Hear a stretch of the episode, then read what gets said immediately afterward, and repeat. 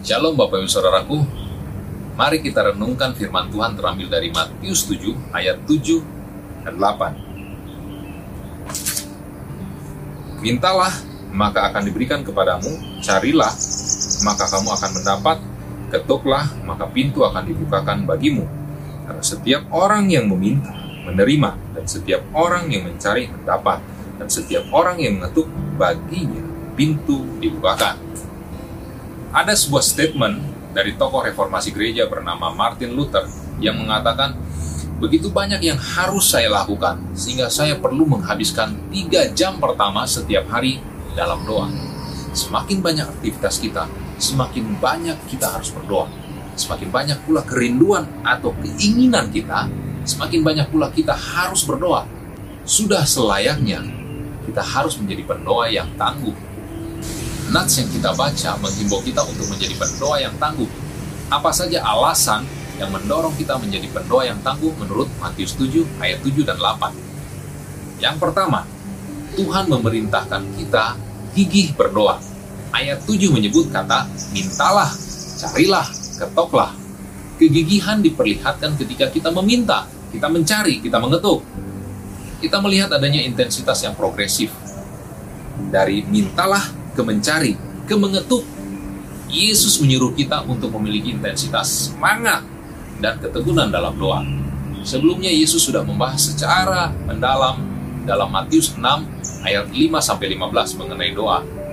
Fakta bahwa Yesus kembali lagi ke pokok bahasan doa menunjukkan betapa pentingnya doa.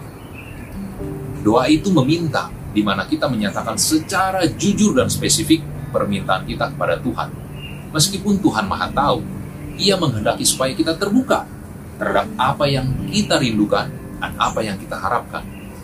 Doa itu mencari, di mana kita juga ada upaya aktif selain meminta. Kita perlu mencari Tuhan, firman-Nya, kehendaknya. Apakah yang kita doakan sudah sesuai kehendaknya? Mencari juga bisa diartikan ada upaya untuk mewujudkan harapan yang kita doakan. Seorang murid tidak bisa mendapat peringkat satu di kelas jika hanya berdoa, tetapi tanpa rajin belajar dan mendalam ilmu. Doa itu mengetuk sampai pintu dibuka, sampai kita mendapat jalan masuk kepada sesuatu yang kita doakan. Gagasan mengetuk juga menyeratkan bahwa kita merasakan perlawanan di mana doa tak kunjung dijawab. Lagi pula, jika pintu sudah terbuka, tidak perlu kita mengetuk. Namun Yesus mendorong kita bahwa bahkan ketika kamu merasa bahwa pintunya tertutup dan kamu harus mengetuk, lakukanlah dan terus lakukan itu dan kamu akan dijawab. Kita bisa menjadi pendoa yang tangguh karena Tuhan sendiri yang memberikan perintah kepada kita supaya ditaati. Tuhan meminta kita untuk gigih dan tidak mudah menyerah akan sesuatu yang kita harapkan. Mari kita evaluasi kehidupan doa kita. Apakah kita baru meminta dan kemudian kita menyerah? Lanjutkan dengan mencari dan mengetuk. Saat Bapak Ibu Saudara berpikir doa tidak akan dijawab, di situlah justru kita meningkatkan intensitas doa kita.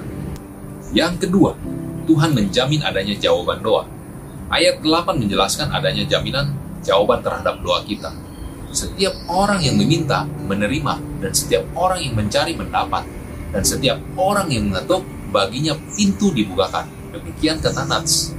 Tuhan menjanjikan jawaban bagi orang yang rajin mencari dia. Tuhan menghargai ketekunan dan semangat dalam doa. Doa yang gigih adalah cara untuk memulihkan dia, mengungkapkan ketergantungan kita kepadanya, dan lebih menyelaraskan hati kita dengan dia. Itulah sebabnya Tuhan akan membuat jerih payah doa tidak menjadi sia-sia.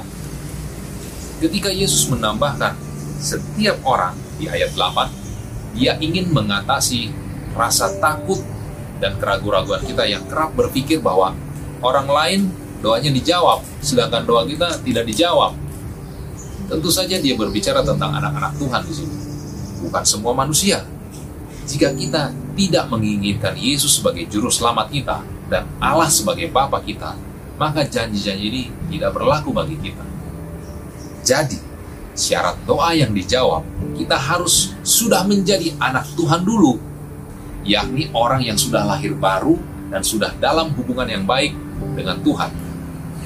Bagi mereka yang sudah menerima Yesus, setiap orang yang meminta akan menerima hal-hal yang baik dari Bapaknya. Intinya adalah tidak ada anak-anaknya yang dikecualikan. Semua dipersilahkan dan didorong untuk datang. Kita adalah anak-anak Tuhan dan tidak ada yang dianaktirikan. Setiap orang percaya punya kesempatan yang sama menerima jawaban doa. Tuhan menjamin akan adanya jawaban doa. Jawaban dari Tuhan adalah yang terbaik bagi anak-anaknya.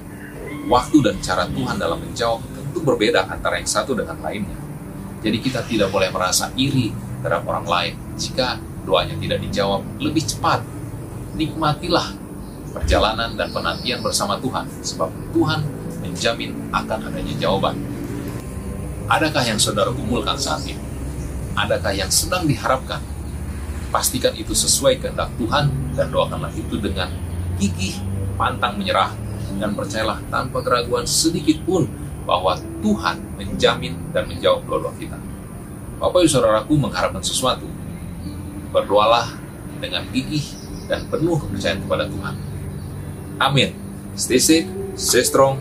Tuhan memberkati kita semua.